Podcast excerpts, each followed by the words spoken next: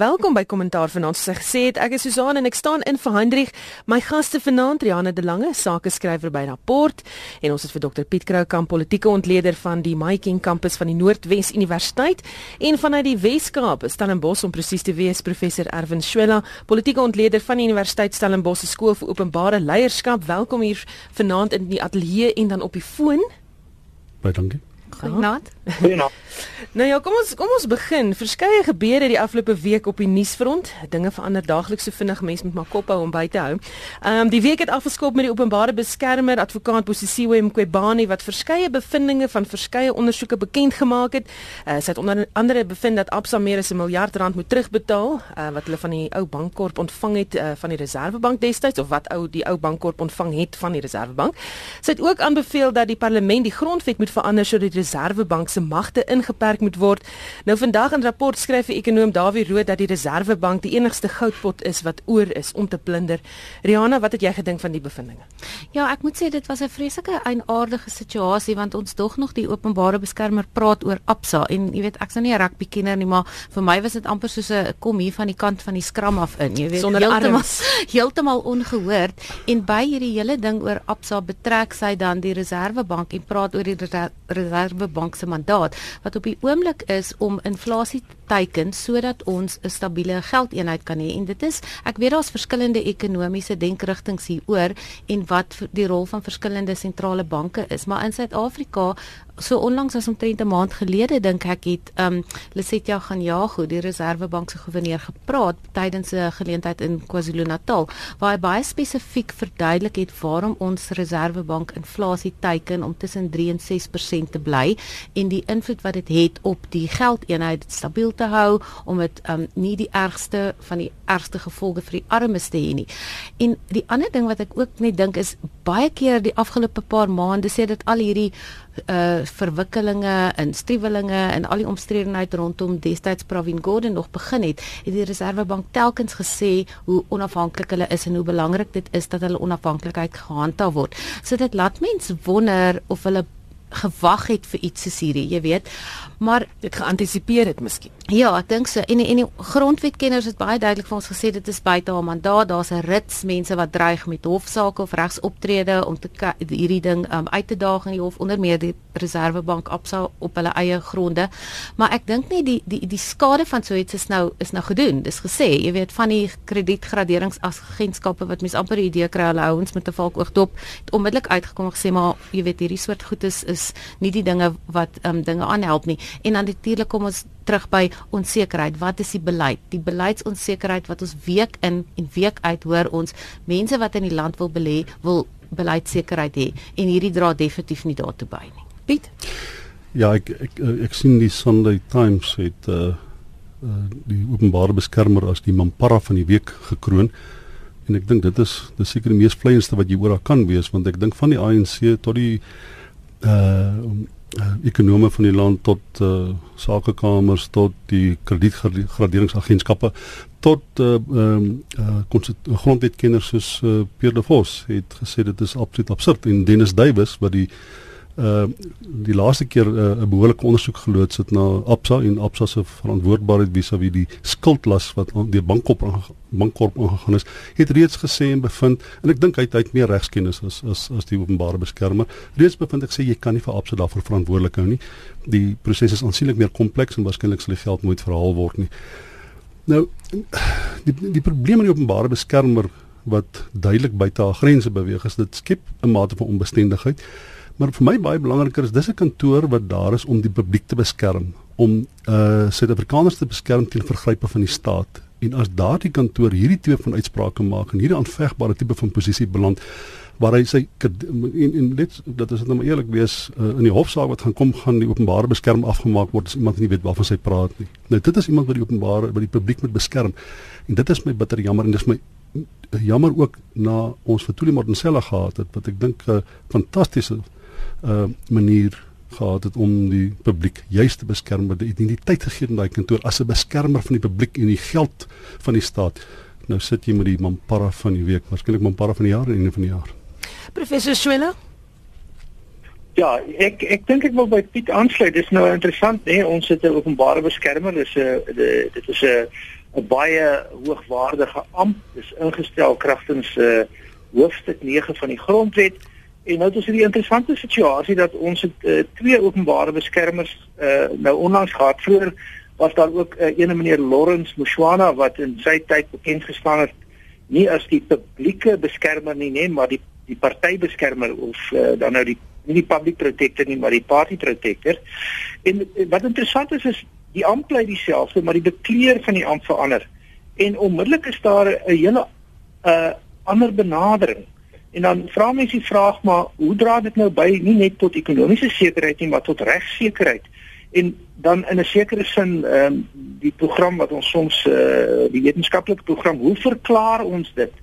En dit is my interessant om te gaan kyk na hierdie kontras. Die vorige openbare beskermer het opgetree in terme van die idees en die en die ehm uh, die die stel waardes van die van die regstaat en die die die die grondwetlike soewereiniteit. Ehm um, hierdie openbare sker, beskermer ehm um, uh, skynbaar tree op uh, uit 'n ander mandaat uit. Ehm um, behalwe dat dit blyk nou dat sy uh, haar magte oorskry en dat sy as sy 'n grondwetlike instelling verteenwoordig eintlik die grondwet behoort te ken. Ehm um, is dit ook so dat sy waarskynlik met 'n ander denkraamwerk werk binne watter konteks pas hy in? Sy pas waarskynlik in binne die konteks van die denke wat meer ehm um, kom ons sê dan maar transformasioneel, maar ons almal is transformasioneel is, maar miskien binne die denkraamwerk van die sogenaamde uh die, die ANC het ook nog 'n beleid wat uh, wat werk met uh, die nasionale demokratiese revolusie. En haar persoonlike ingesteldheid is dan eintlik nie om lyk so wil dit lyk om die goed te doen wat in 'n sekere sin die publiek se belange te beskerm nie, maar haar ingesteldheid is om een of ander vorm van aktivistiese optrede aan aan te voer. So dit is net vir my 'n interessante ding en ek dink ons moet daai ontledings doen. Hoe gebeur dit dat daar so dramatiese verskil in die optrede is tussen die twee mense wat dieselfde ampt bekleed binne 'n oënskynlike regstaat waar regsreëls behoort te geld en dan lyk dit my hang dit af eintlik in wiese invloedsfeer jy is. Dit wil tog nou meer en meer lyk en dan maak ek klaar asof die openbare beskermer veel meer binne die invloedsfeer is uh van die president as wat die vorige ehm um, uh openbare beskermer was. Ek gaan by jou bly professor Swela aan met dit gesê uh jy weet wou ek sê die die OB moes raad of advies ontvang het van iewers af oor hierdie. Ehm um, hoe interpreteer mens die OB se keuse van sake wat sy tydens die perskonferensie bespreek het? Nou, uh, dit is natuurlik so dat die OB is uh, weer eens die, die amp van die openbare beskermer word bekleed deur 'n enkele amptbekleer. Ehm um, en uh, uh, dit beteken nou dat die persoon maak die openbare uitsprake bepaal bepaal sekerlik die prioritisering van watter sake ondersoek word, watter gelaat word. Ehm um, maar is ook ondersteun deur 'n deur 'n hele kantoor vol uh mense wat uh, dan nou regsadvies moet gee. Uh, en weer eens, dit wil nou voorkom toenemend asof die kommer wat in uh ten minste destyds deur die DA uitgesteek het wat soos julle sal onthou, nie haar aanstelling ondersteun het in die parlement nie. Ehm um, uh asof die bekommernis so stadig maar seker realiseer.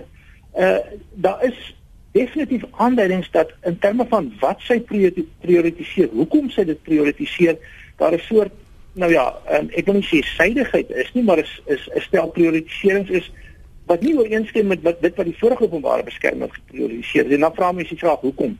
Dit wil tog lyk asof haar ideologiese raamwerk en die invloedsfeer waarbinne sy haarself sien en dan uiteindelik haar persoonlike soort van waarde ingesteldheid iets anders is as die vorige openbare beskermer. Dis baie duidelik. En as jy vra wat is dit? Dit lyk nie vir my of dit 'n instelling is ingesteldheid is wat met die regstaat noodwendig te maak het en met die met met konstitusionalisme nie dit lyk tog as ek sê 'n ander siening van haar rol het nou ja ek dink dit is die regte siening nie maar daaroor kan daar meningsverskil wees. Susan die um, Herman het 'n baie gesofistikeerde antwoord en daar's ook 'n kort pad wat 'n ongesofistikeerde mens soos ek maklik kan gee en dit is dat dit is baie duidelik dat haar idees korrespondeer met diegene wat glo in wit monopoliekapitaal wat glo dat die reservebank moet ge uh moet uh, deur die staat beheer word en mense wat glo dat die mynbedryf moet behoorlik deur die staat bestuur word. Met ander woorde, sy val volledig binne in die Zuma kamp Daar's nie twyfel oor en sy het haar kaart gespeel aan daardie kant.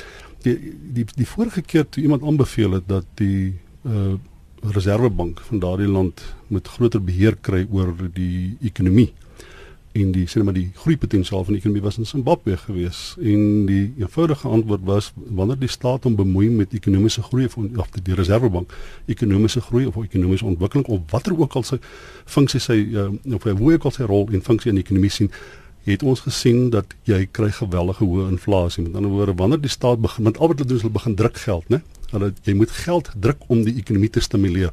Die oomblik wat jy geld druk, is daar te veel van daardie geld eenheid in die mark, dat te veel daarvan in die mark is, dan verdaal verla, verlaag die waarde van daardie geld eenheid. Ons noem dit inflasie en dan gaan alles word duurder. Petrol word duurder, vervoer word duurder, daar's kos word duurder. Die armes kry die swaarste. So die uh, openbare beskermer is nie net grond uh, wat die wat die wat die wet aanbetref in die behoorlik onder lê nie. Sy's ook nie ekonom nie. Rihanna, jy knik jou kop. Ja, ek wil net sê een van die onmiddellike gevolge van hierdie um, uitspraak van haar was dat ehm um, waar ons sit met inflasie wat aan die daal is, jy weet die ekonomie kry baie swaar, ons ons groei is ons is in 'n tegniese resessie. Baie ekonome sê dis die ideale tyd vir die Reserwebank om nou die rentekoers te verlaag wat almal kan help in bietjie verbruikersbesteding aan die gang kry in 'n mate om jy weet ons 'n bietjie te buffer. En nou is al onmiddellik um, almal is versigtig want sê sê nou die Reserwebank op sy volgende sitting in 'n paar weke doen dit wel, is dit dalk oor dit gekom het van druk oor hierdie soort uitsprake van die openbare beskerming. So ons is onmiddellik in 'n baie baie netelige situasie. Marianne, ek moet daarom sê, jy weet toe toe die minister eh, Zwane toe hy nou sy sy nuwe myne handves uh bekend gemaak het dat gepubliseer het, gepubliseer het, het die mynbedryf uh, 51 miljard verloor binne 'n paar minute toe die openbare beskermer hierdie gebrabbel kwyt geraak het, het dit omtrent niks aan die rand gedoen nie, dit het niks aan die ekonomie gedoen nie en daar was 'n kakofonie van stemme wat daarteen uitgekom het en gesê het maar dis absurd en dis belaglik. Met ander woorde, mense moet in die eerste plek het internasionale kredietgraderingsagentskappe en mense met kapitaal het al verdiskonteer die belaglikhede wat wat tans vaardig is ons politieke stelsel en dit wys jy ook die mate van erns wat hulle iemand so sy beheen as persoon want vandat sy aangestel is, het sy al hierdie tipe van uitsprake gemaak of sy het niks gedoen nie of sy het uitsprake gemaak maak wat duidelik nie korrespondeer met die werklikhede van of die ekonomie of Suid-Afrika nie. Arwin, dan ek Susan eh, eh, daarby nog vroeg is is dat uh, uh, ons praat nou oor die die inflasie ehm um, die regulering van inflasie die inflasie teiken benadering wat dan nou maar net probeer eenvoudig gestel om om inflasie in bedwang te hou en dit is ekonomies gesproke die regte ding om te doen. Maar hier is 'n groter en 'n dieper aanslag. Uh daar is al lank debat in daai kringe waarna ek verwys het, daai ideologiese kringe, nie net oor inflasietekening nie, maar oor eintlik die die die die onafhanklike rol van die Reservebank wat 'n groot rol speel in ekonomiese regulering en ook in ekonomiese stabilisering. En dit is ten opsigte van 'n verskeidenheid ander dinge, fiskale en monetêre beleid. Ehm um, en eintlik is hier 'n aanslag op nog 'n onafhanklike instelling. Ehm um, die onafhanklike instellings is vir ideoloë eh uh, eh uh, ehm um, doodgewoon nie aanvaarbaar nie. En dit is hulle hulle begryp nie wat die sistemiese implikasies is van dit waaraan hulle karring nie. Op die eerste vlak sien jy onmiddellik, nou ja, in die geval is Piet reg, dit het nie so 'n uh, groot impak gehad haar uh eh, besondere uh besondere nou ja, kom ons sê ongesofistikeerde uitspraak nie. Ehm um, maar maar baie van hierdie dinge ehm um, waar daar as dit ware deur die die towenaar se vakleerling. As die towenaar se se vakleerling aan die goed begin karring, dan sien jy die impak uh, en dis 'n negatiewe impak. En hier is die Reservebank onder druk.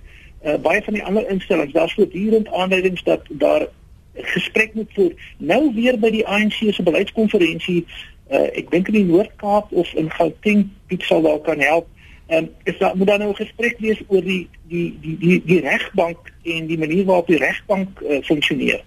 So hierdie ideoloë wat die instellings afstaak met die idee dat hulle uiteindelik daar uit 'n soort voordeel gaan kry en gewoonlik dink hulle hulle doen 'n goeie ding, maar maar alle aanduidings internasionaal vergelykend en in ons eie land is dit die verkeerde goed mens wens so dat dat dat uh, hulle daar by Pieter 'n goeie kursus in regeringskunde gaan instel en vir hulle so 'n bietjie kan leer hoe die goed regtig werk. Goed, ehm um, nou ja, kom ons gesels oor 'n ander hoofstorie. Die Gupta eposse lek steeds uit so drips gewys vandag sien natuurlik die uh uh Guptas wat sogenaamd op die bank ehm um, base gespioneer het, uh, Rihanna. Ja, ek dink dit is 'n uh, baie insiggewende storie in Sunday Times vandag wat gaan oor die ehm um, blykbaar is daar 'n ontledingsdokument in besit gevind van ehm um, een van die Gupta uitvoerende hoofde by Sahara, een van hulle maatskappye en dat dit baie besonderhede bevat, privaat besonderhede van van die bankbase en banke weet ons het in 'n stadium, ehm um, jy weet die uh rooi lig laat aangaan en seker die Gupta maatskappy gesê ons voel nie tevrede oor alles wat aan die gang is nie. So besonderhede van Maria Ramos reis um planne wat mense oor see gehad het ook ek dink Steven um Kosef van Investec se naam is daar ook en ook heelwat mense van van Rand Aksep Bank. Jy weet baie top mense. En die vraag was waar kom hierdie goed vandaan? Is die enigste plek waar mense dit kon kry nie by binnelandse sake nie? En dan natuurlik die vraag van ons weet daar was baie vrae rondom die tyd wat minister Gigaba by binnelandse sake was en um, wat toe gebeur het in sekere gunste of toegewings en um, ook die burgerskap uh, stamp wat wat die Guptas gekry het terwyl hy daar was. Die naam van Julius Malema was ook daar, né? En al die plek kere wat hy oor see was, uh, ek ek dink altyd as jy met Julius Malema moeilikheid soek, dan vermoed ek het jy groot probleme want uh uh Lori um, wat is Dippenaar. Uh, kan die openbaar op baie burgerlike manier sê ek is te nagekom hier. Maar uh, die politieke koste van Julius Malema wat in jou nek blaas as jy daar bewyse is dat jy verkeerd was so dit is dit is dit het, dit het, dit het nie openbaar dit het in die parlement het dit groot konsekwensies. En die ander ding natuurlik nê wat wat uh, ek dink daar's nou algemene aanvaarding dat die Gupta leaks is geldig. Dat uh, uh, Gwediman Tas toe gesê ons aanvaar dit. Vier ministers het bevestig of vier ja. senior lede van die kabinet het bevestig dat dit wat die Gupta leaks gesê word is waar. So elke ander ding wat nou in die Gupta leaks insluitende ek, ek dink jy praat van 'n spreadsheet. So so ja. hulle sê dit is eintlik 'n baie oninteressante spreadsheet wat gevind word gevind was toevallig ergens in die Gupta leaks. Dis nie asof dit onmiddellik jou aandag trek nie. Maar en dis nou wat goeie journalistiek ingekom het. Iemand het gaan sit en baie mooi gekyk wat gaan op hierdie spreadsheet aan en op natuurlike goudmyn van van onwerklikhede afgekom. Erwin? Ja, ons het nou eintlik uh, staatskaping verwys van staatskaping. Uh, on, on, on, ons kry nou 'n soort van 'n 'n 'n soort sirkel wat sê maar dit kan tog nie anders as waar wees nie. En en die vraag is nou goed, as uh, meneer Mantashe dan sê dat vier ministers het al soort van bekentenisse gemaak. Uh, natuurlik die ander argument word voortdurend gevoer dis nog nêrens die presidente die week gesê dis nog nêrens gesaghebend geverifieer nie. Uh Ehm um, maar goed, as dit dan nou so is dat hierdie goed waar is, wanneer gaan dan nou optrede kom? So behalwe vir die selektiewe pogings uh en die die bepaalde prioritisering van die openbare beskermer, is daar bepaald ook selektiewe uh pogings en prioritisering vir die kant van die nasionale vervolgingsgesag, van die Suid-Afrikaanse polisie diens. En dit bewys maar net weer dat hierdie hierdie teorie van staatskaping is 'n uh, 'n sterker teorie met meer empiriese getuienis as die teorie van dit monopolie kapitaal. Hierdie een is nie deur Dallin Pottinger uitgedink in elk geval nie. Ehm um, nou as dit so is dan is die volgende vraag wat is nou die gevolge? Uh, wat gaan nou gebeur met vier ministers? Ehm um, want as daar 'n soort nou ja, nie 'n regsgeldige bekendis nou nie in 'n hof gemaak of in 'n beëdigde verklaring nie, maar maar maar dan moet daar nou polities daarom seker gevolge wees. Wanneer begin hierdie gevolge nou op een of ander manier manifesteer? Wanneer gaan die president of een of ander ander amptenaar of selfs 'n 'n staatsfunksionaris soos die nasionale vervolgingsgesag of die Suid-Afrikaanse polisie diens gaan hulle nou sê maar goed, ons wag nie vir 'n politikus om om 'n om 'n klag te kom lê wat ons in elk geval gaan ignoreer nie. Ons kan as die as die staatsinstelling verantwoordelik vir die uh, die vervolging van mense wat kriminele dade begaan, gaan ons hier optree. Sien ons enige optrede? Het ons iets gehoor van meneer Eybers? Nog nie 'n woord nie. Nou kan ek net hierso inkom. Lindiwe Sisulu het onder andere ook gesê, um jy weet die fokus van die verkiesing word skeef getrek. Dis nou 'n gesprek wat sy gehad het oor die presidentsiële verkiesingsresie wat aan die gang is. Um en sy het 'n belangrike punt gemaak en gesê, jy weet nasionale intelligensie, die omgewing bestaan nie. Um sy is van mening as dit werksaam was kon hierdie dokumente na hulle toe gevat, uh, jy weet, vat dit na hulle toe. Hulle hulle kyk dan na hulle maak seker dis reg, verkeerd, gevolge vir die ouens dra die gevolge van wat gebeur. Maar sy sê sy het nie vertroue in hierdie intelligensiediens. Daar's kyk jy, jy jy het um, daar's twee prosesse wat nou in die media groot gewag maak. Die een is die ondersoek wat sien met 'n parlementêre ondersoek kan wees. Dis uh daar's uh miskien 'n privaat ondersoek wat geloods kan word, die sogenaamde state capturing ondersoek wat Cyril Ramaphosa ondersteun. En die ander werklikheid is daar's 'n tweede proses wat glad nie aandag kry nie. Daar is genoeg bewyse op die tafel om Eskom, Prasa, Spoornet uh SAL nie die mense waaroor ons reeds bewyse het wat jy kan hof toe gaan en daai mense van korrupsie aankla is 'n magdom van bewyse. En uh Irwin se argument is reg waar is Shaun Abrams? Want die feit bestaan is en ek ek weet outas se mense het alreeds baie van hierdie bewyse uh, aangebied en gesê maar ons ons het reeds hier ons die hier's die inligting hier's die data. So ons weet daar is reeds genoeg bewyse om behoorlike korrupsie klagtes te lê. Mense moet versigtig wees om nie weggevoer te raak deur die ondersoeke wat kan gelei word tot oor staatskaping en vergeet dat eintlik moes daar al lankal begin uh, hulle moes al lankal begin het om korrupsie te ondersoek, om korrupsie klagtes te lê. Mense moes al in die hof verskyn het. As jy werklik staatskaping wil oopvlek, moet jy dit in die hof gaan doen. Hulle moet klagtes lê teen die mense waarvoor ons reeds bewys het. En dit sluit 'n klomp mense in, klomp hoog uh, mense hoog op in departemente en binne die staat en selfs in die kabinet. Goed, mynbou handves is nou effens daaraan geraak. Dis gepubliseer in die Staatskoerant uh en die spreekwoordelike kat is in die duiwelhok losgelaat. Uh die voorsitter van die ANC se ekonomiese transformasie komitee, Enoch Godwana, het in City Press gewaarsku dat die nuwe mynbou handves sal bydra tot verdere werksverliese. Dit sal die ekonomie knou. Um dan is daar nog interessante politieke dinamika gewees en dit is dat 'n uh, afvaardiging van die Tulihuis onder leiding van Gwedi Mantashe is na die Kamer van Mynbou toe om te praat hieroor sonder die minister van minerale hulpbronne Msebenzi Zwane. Hy's nie saam gewees nie. Ehm um, en dan die eerste Imbiza oor die handves wat in Middelburg in Mpumalanga gehou sou word, ehm um, is afgestel nadat die minister nou letterlik verjaag is daar. Rihanna, kom ons begin by jou. Jou ervaring van hierdie mynbehandves. Ja, dit is net um, baie bizar dat die dat die ANC nou gaan en nou nadat die ding gepubliseer is, die Kamer van Mynwese wat omtrent 90% van die land se mynmaatskappye verteenwoordig, het aanhoudend gesê ons wil konsulteer, ons moet ons insette lewer. Ons is nie gekant teen transformasie nie. Ons weet wat dit kan doen om die ekonomie te uh, stimuleer, om werk te skep um, om ongelykheid uit te wis al hierdie uitdagings waarmee ons sit en hulle is ook ten gunste van die mooi woord is inklusiewe groei wat ons van praat. En nou nadat die ding gepubliseer is en dit 'n groot uh, soos jy gesê gefladder veroorsaak het. Nou gaan Gwedi Mantashe na afvaardiging gaan praat met die Kamer van Mynwese. Nou die Kamer is nog steeds um, dink ek oorweeg regstappe in hierdie verband om te kyk of hulle 'n interde kan kry om te keer dat dit ingestel word. Maar jy weet selfs hier kom ons nou terug weer by beleidsonsekerheid. Intussen um, is daar baie beskuldigings van mense wat op hope kontant sit en nie belê in die land nie. Maar dit is een van die redes mense wil nie hulle geld belê nie. Groot maatskappye wil weet wanneer hulle belê in fabrieke, in toerusting, in in vaste kapitaal uh, beleggings, moet hulle weet wat word van daai belegging. En as ons nou 'n uh, regsproses kry en die Kamer van Mynwese um, gaan hof toe soos wat hulle wil sê, hoe lank gaan dit uitgereik wees? Hoe lank gaan daai onsekerheid dan nog met ons wees? En jy weet die mynbedryf hulle self sê hulle het verlede jaar um 304 miljard of iets in die trant bygedra tot die land se bruto binnelandse produk. Die regstreekse werksgeleenthede is iets soos 460 000. Uh dit is 'n groot bydrae hoewel dit minder is as in die in die 90s. Maar jy weet ons sit met hoë hoë werkloosheid. As jy kan werk skep, moenie bedrywe kelder en kniehalter en en um hulle knie probeer afkap dis my gevoel. Wat ek belaglik en komies vind is hierdie dokument het voor die kabinet gedien. In die kabinetsvergadering, ek ek hoor Silver Maposa woon dit nie meer so dikwels by nie, maar was die Kaba was daar gewees, uh, Rob Davies was daar gewees.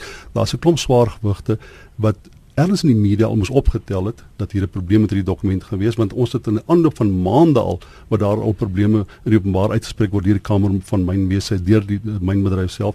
Met ander woorde klomp van hierdie kabinetslede het in daai vergadering, daai kabinetsvergadering gesit, hulle het hierdie dokument goedgekeur wel wetende die polemiek wat daaroor bestaan. Die minister van finansies was daar.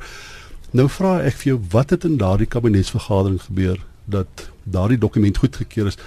Heel waarskynlik het iemand soos uh, die president sy stem dik gemaak en die ding deurgeforseer of dit was een van daardie goed wat hulle soos hulle eenvoudig net deur die borsmasjien gedruk het wat die ander kabinetslede nie behoorlik bestudeer het en, en, en iets, iets sê vir my dat die meeste van die ander ministers het eers gehoor van die probleme met hierdie bepaalde uh, dokument toe dit in die media omstredenheid veroorsaak het. Wat gebeur in kabinetsvergaderings dat sulke goed deurgaan?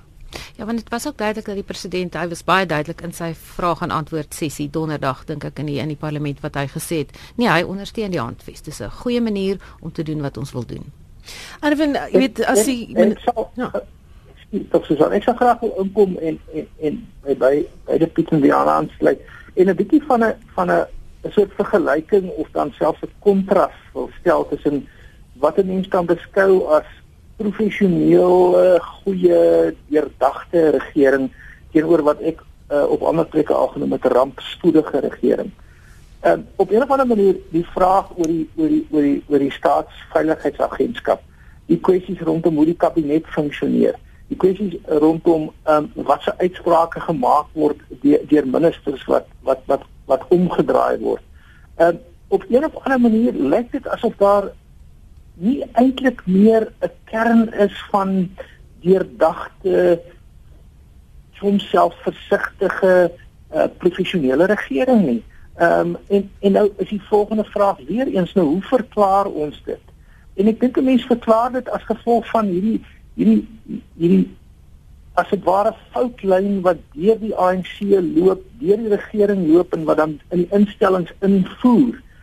Uh, en dan uiteindelik kan jy nie eintlik regtig sekerheid kry nie want daar's voortdurend sistemiese spanninge um, en en en foutlyne. So ek, ek dink ons gaan uh, dit reg kry voordat hierdie politieke probleem en die die die, die kantelpunt is naby. Dit lyk asof asof die die van die die die die lede vaarders op die skip ek ek wil dit nou ek wil nou nie die vaarders rotte noem nie maar die skip verlaat en en en, en die skip gaan sink met 'n klompie van hulle aan boord. Maar maar voordat ons nie eintlik hierdie kwessie uitgesorteer is van wie is nou in beheer? Hoe word dit bestuur en beheer nie en hoe dit hoe, hoe word dit behoorlik gedoen nie, gaan ons maar voortdurend hierdie soort dubbelsinnighede en en onsinnighede kry wat net chaos en en wanorde skep en wat verseker nie daarop gerig is om sekerheid te skep nie en wat uiteindelik groot kostes het. Hoe weer uh, aanbeweeg nou na 'n ander storie Eskom, um, ons tyd raak nou min. Minister Lynn Brown het Vrydag die waarnemende Eskom raad aangekondig. 'n Klomp mense daar gehou wat sy gesê het sy nie in vertroue het nie. Nog vier ander aangekondig wat sy nog in die parlement moet gaan voorlê of aan hulle gaan voorlê. Maar so duik van die mense wat sy benoem het se name weer op in die sogenaamde Gupta eposse. Rihanna Ja, ek ek weet nie ons het vandag nog 'n interessante storie in 'n um, rapport oor net hoe die minister, ek weet nie mense kan nie eintlik agterkom waarvoor is sy ten gunste wat wat wat, wat bekommer haar nie want die een week is dit is dit dit dan is sy uh, gekant teen 'n 30 miljoen bonus uitbetaling van Brian Molefe. As ons weer kyk dan is hy terug by Eskom. Dit is dis baie moeilik om te verstaan presies wat daar aangaan en ek ek verstaan ook nie mooi die redenasies wat sy het van dat sy nie die, die direksie wou laat gaan nie want daar was so min tyd oor en nou is die helfte van die mense weer daar. Ek ek weet nie dit is ek verstaan dit nie Ek dink uh, mense moet uh, kyk na 'n verhouding met met die president. Uh, by verskeie geleenthede in die verlede het sy oproep gekry van die president en uiteindelik was dit uh, vir baie baie moeilik om 'n besluit te neem. En ek kan vir jou beloof sy was weer 'n gesprek met die president gewees en die uh, lede van die raad van Eskom is 'n vorm van 'n kompromie met die president tussen die president en Arlen Brown vir al die foute wat sy in die verlede gemaak het dink ek mense kan sien dat sy probeer om een of ander manier van integriteit terug te kry in die proses, maar dit is nie so maklik nie. Sy sit met iemand uh wat haar baas is, wat vir haar kan vertel wat sy moet doen en wat haar kan bel en uh en hy doen dit dikwels. Daai die verhouding tussen Lynn Brown en die president is 'n gewellige gespanne een, maar die president kan haar verwyder. Hy kan as hy wil.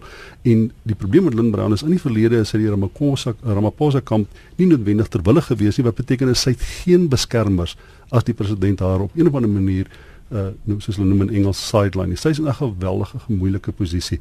En ek dink sy probeer besluite neem deur kompromie aan te gaan tussen die twee kampe, tussen dit wat sy dink reg is, dit wat sy dink is wat uiteindelik staatsondernemings op 'n manier op 'n goeie voet gaan kry en die feit bly staan is die president is die hele tyd op sy telefoon na haar toe. Herman? Nou, dit is nou tipies nog 'n illustrasie van wanneer ek verwys het.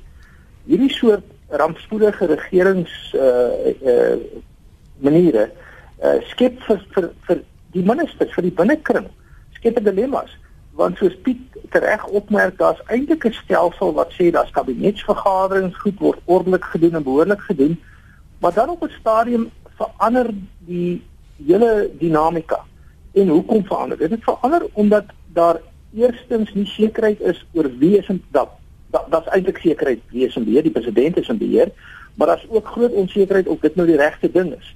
En dan wat tipies gebeur is, uh die die die ordelike regeringsprosesse verloop, maar dan op 'n stadium is daar gewoon politieke inmenging.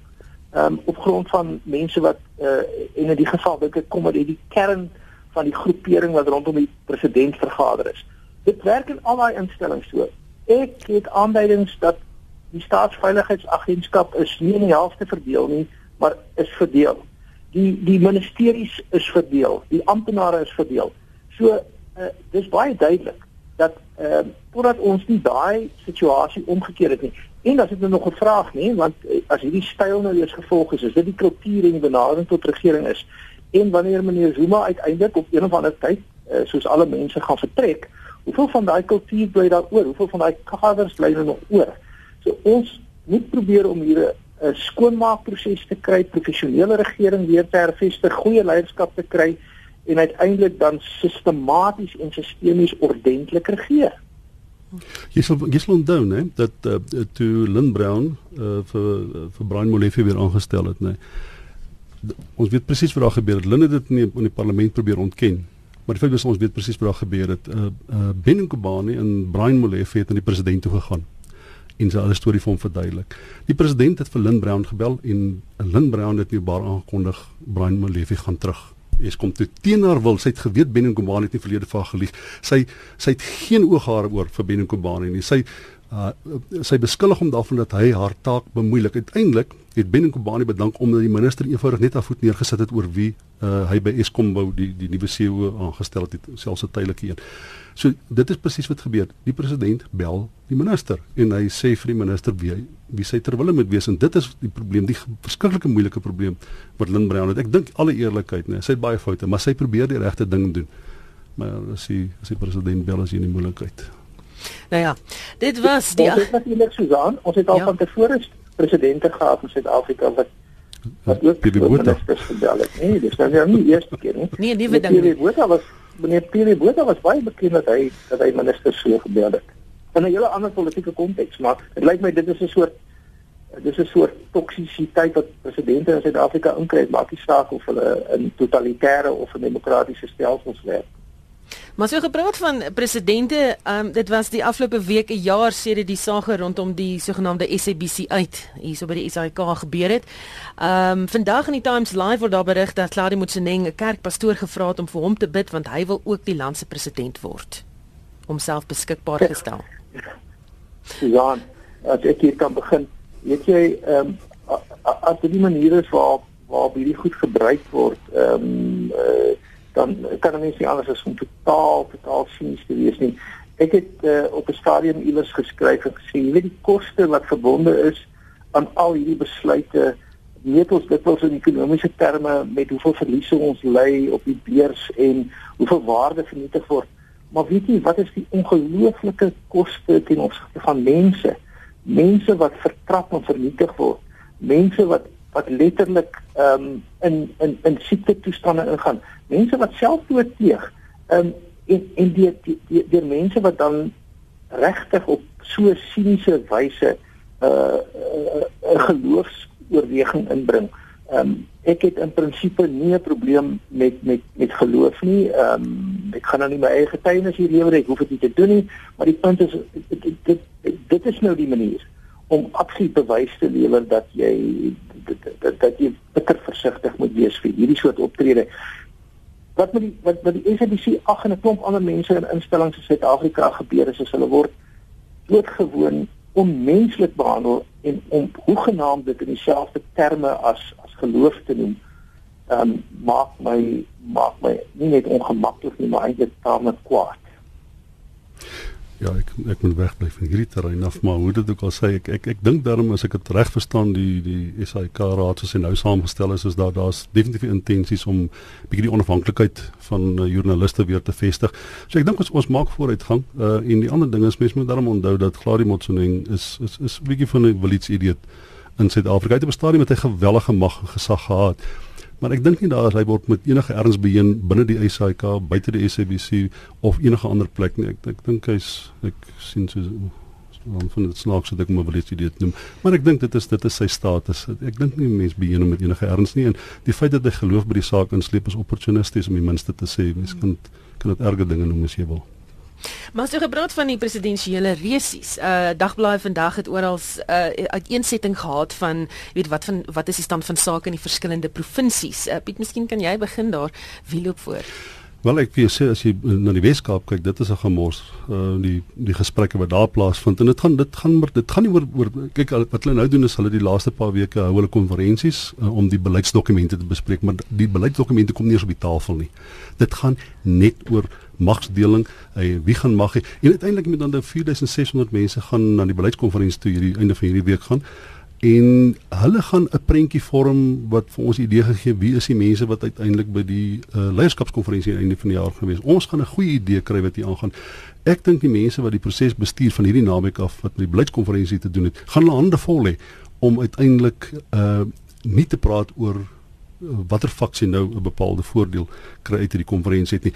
Maar die feit bestaan is die hierdie dokumente is alles is op die op die tafel. Ek het hulle meeste van dit het ek gelees en as jy na die dokumente kyk, dan kry mense half die indruk dat die Ramaphosa kamp op 'n manier 'n voorkeur gekry het in die opstel van die dokumente die die tipiese definisies wat in wit monopolie kapitaal gegee word kom nie op dieselfde manier in daardie dokumente voor nie. Dit grondhervorming word in terme van die nasionale ontwikkelingsplan omskryf goed. So as jy na daai dokumente kyk is daai dokumente ter bespreking gewees en die meeste van hulle moet jy onthou dit daar kan veranderinge wees en dit kan hergeformuleer word en as resolusies wat aangeneem word dit kan anders ter lyk. Maar die mense wat daardie dokumente opgestel het het 'n baie duidelike vertrekpunt gehad in terme van hoe Suid-Afrika bestuur moet word en as hulle net naaste by by dit hou dan is dit vir my indikasie dat die Ramaphosa kamp waarskynlik net 'n kort kop voor is.